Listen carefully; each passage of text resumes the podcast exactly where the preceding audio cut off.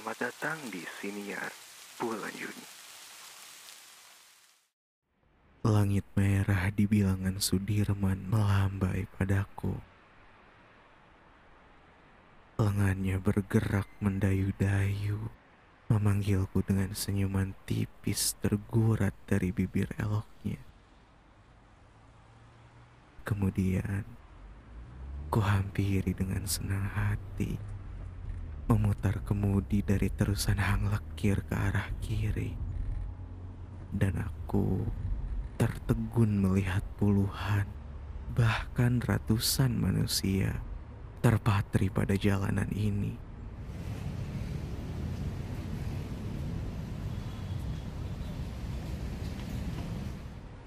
Mereka hadir mewujud sebuah eksistensi dengan kepala yang jelas berbeda. Namun, kulihat mereka semua sama dalam satu mata Iya, semuanya hampir binasa. Berkali-kali kudapati perasaan ini berkunjung padaku tiap kali ku lewati kawasan padat serta di beberapa sudut pinggiran Jakarta kota. Sebagian darinya sedang meronta-ronta bertarung dengan dirinya untuk tetap ada sebagai manusia. Dan sebagian lainnya hampir gila, dipaksa menerima setiap realita yang tak selaras dengan mimpi yang tertanam pada kepala.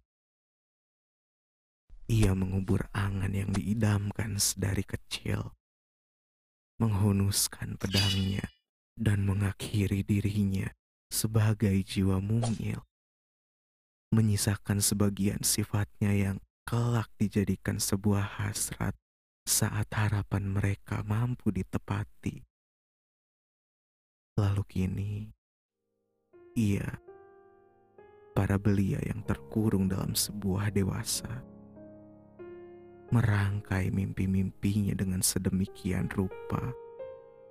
Separuhnya digunakan sebagai pencapaian yang harus dibuka dan yang lainnya ia hidupi sebagai utopia, dikemas dalam kehidupan sehari-hari dan dijalani dengan sepenuh hati. Sebelum dihampiri elegi yang mengundang kata mati datang dengan riang. Seketika langit Sudirman muram dan matanya berlinang mengalirkan titik-titik harapan padanya untuk tetap bertahan meskipun hatinya telah mati dalam ketiadaan yang romantis.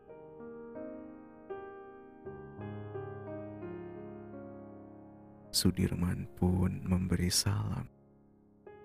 Hangat kurasa.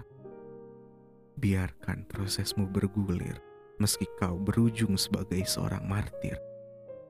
Begitu katanya.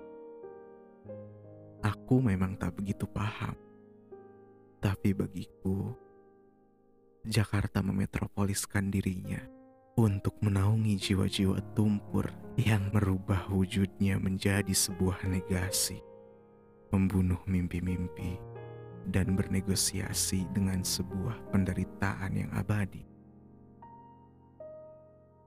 Dan bila dulu Jakarta merupakan kasih sayang, maka kini Jakarta mewujud medan perang. Melukis garis lengkung berupa senyum sebagai kelir dan menikam sesamanya dengan sanubari getir.